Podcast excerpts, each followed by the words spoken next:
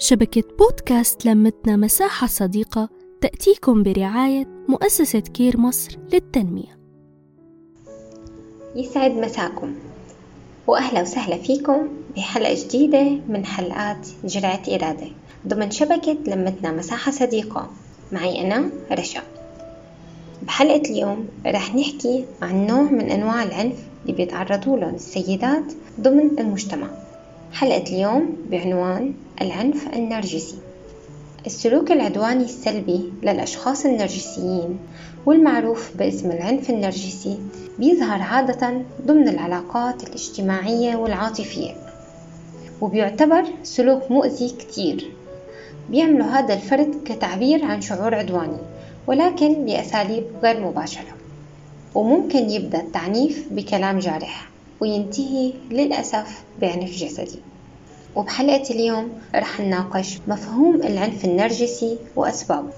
طبعا مصطلح العنف النرجسي ظهر بأواخر القرن العشرين وأخذ شهرة أوسع بأوائل القرن الواحد وعشرين طبعا نتيجة لجهود العالمة أليس ميلر وغيرها من العلماء اللي أقروا أن المصطلح بيعتمد بشكل رئيسي على العنف النرجسي من الآباء أو الأزواج. في ثمان علامات لمعرفة العنف النرجسي. وطبعا هاي العلامات مهما اختلفت فهي واضحة. حتى لو هذا الشخص النرجسي تحايل وحاول ما يظهر شخصيته. خلينا نحكي عن هاي العلامات. العنف اللفظي المقنع. بيتضمن العنف اللفظي المقنع الحديث السلبي النقد المستمر لأفكار وآراء الغير طبعا مع تجاهل الأشخاص ومعاملتهم كأطفال. بس من شان يحسوا بالهيمنة والسيطرة. العنف الخفي. وهذا النوع من العنف بيتضمن السخرية من الشكل أو الجنس أو الخلفية الاجتماعية الثقافية أو السلوك أو القرارات أو حتى العلاقات الاجتماعية. العنف النرجسي بالعلاقات.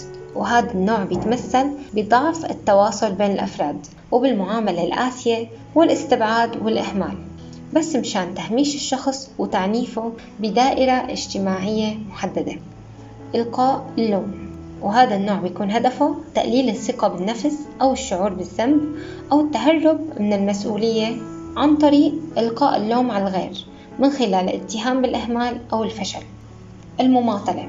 الشخص النرجسي بيستخدم أشياء كتير مثل التسويف والنسيان وحجب الموارد والمعلومات. ودايما بيسعى لابتكار الأعذار. وما بيلتزم بولا اتفاق أو بمعظم الاتفاقات اللي ممكن يعملها. ومشان يتجنب المسؤولية والواجبات وبيحاول يحافظ على السلطة والتحكم والسيطرة قد ما بيقدر. المقاومة النرجسية. بهدف تحصيل السيطرة والسلطة دايما الشخص النرجسي بيتبنى عدة سلوكيات من أشهرها العند والاستعلاء وعدم الكفاءة أو التعقيد أو عدم اكتمال أو تدمير أي مهمة ممكن يعملها. المزاج النرجسي العنيف وممكن بهذا النوع من النرجسية تلاقي الشخص بيستخدم الفكاهة كسلاح بمحاولة منه لتهميش إنسانية الأشخاص اللي حواليهم وكرامتهم ومصداقيتهم.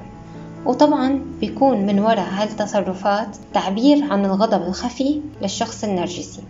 طبعا العنف النرجسي أو النرجسية تتعرف على أنها مرض بتخلي المصاب فيها متسلط ومهووس بذاته يعني عنده حب شديد لحاله.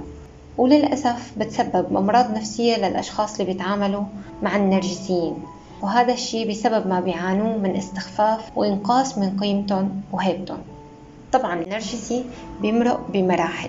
هاي المراحل بتبدأ بالتحقير من الشخص وأفكاره. بيحاول يستهين بالشخص اللي قدامه كتير ويقلل من قيمته وبيحاول يتحكم فيه ويسيطر على كل قراراته. وللأسف بيحاول يفرغ كل شحنات الغضب بهذا الشخص اللي بيتعامل معه. وعادة وللأسف ينتهي هذا العنف بالعنف الجسدي. وكثير من السيدات بتعاني من هذا العنف مع شريك حياتها أو مع الأشخاص ذو السلطة اللي بيكونوا بحياتها. طبعا العنف النرجسي كتير بيأثر على كل الأشخاص المحيطة وخصوصا القراب مثل الزوجة مثل الأطفال. وممكن يؤدي لأشخاص مضطربين أشخاص خايفين أشخاص ضعيفي الشخصية ما بيقدروا ياخدوا قراراتهم لحالهم أو بكل بساطة بتأدي لأشخاص نرجسيين ومقلدين لهي الشخصية الرئيسية. ومثل ما سبق وقلت النساء هن أكثر عرضة للعنف النرجسي. بحسب دراسات أثبتها علم النفس فالنساء هن أكثر عرضة للعنف النرجسي من قبل الرجال. والرجال بيكونوا هن المتحكمين والمتسلطين بحياة المرأة. حديثنا عن العنف النرجسي لسه ما خلص ولسه له تتمة تابعوني بالحلقة الجاية لنحكي أكثر عن هذا النوع من العنف وشو الحل وكيف فينا نتعامل مع هذا النوع من أنواع العنف. بتمنى تكونوا استفدتوا من معلومات اليوم. كانت معكم رشا الريحاني وجرعة إرادة. باي باي. نحكي نتشارك نتواصل.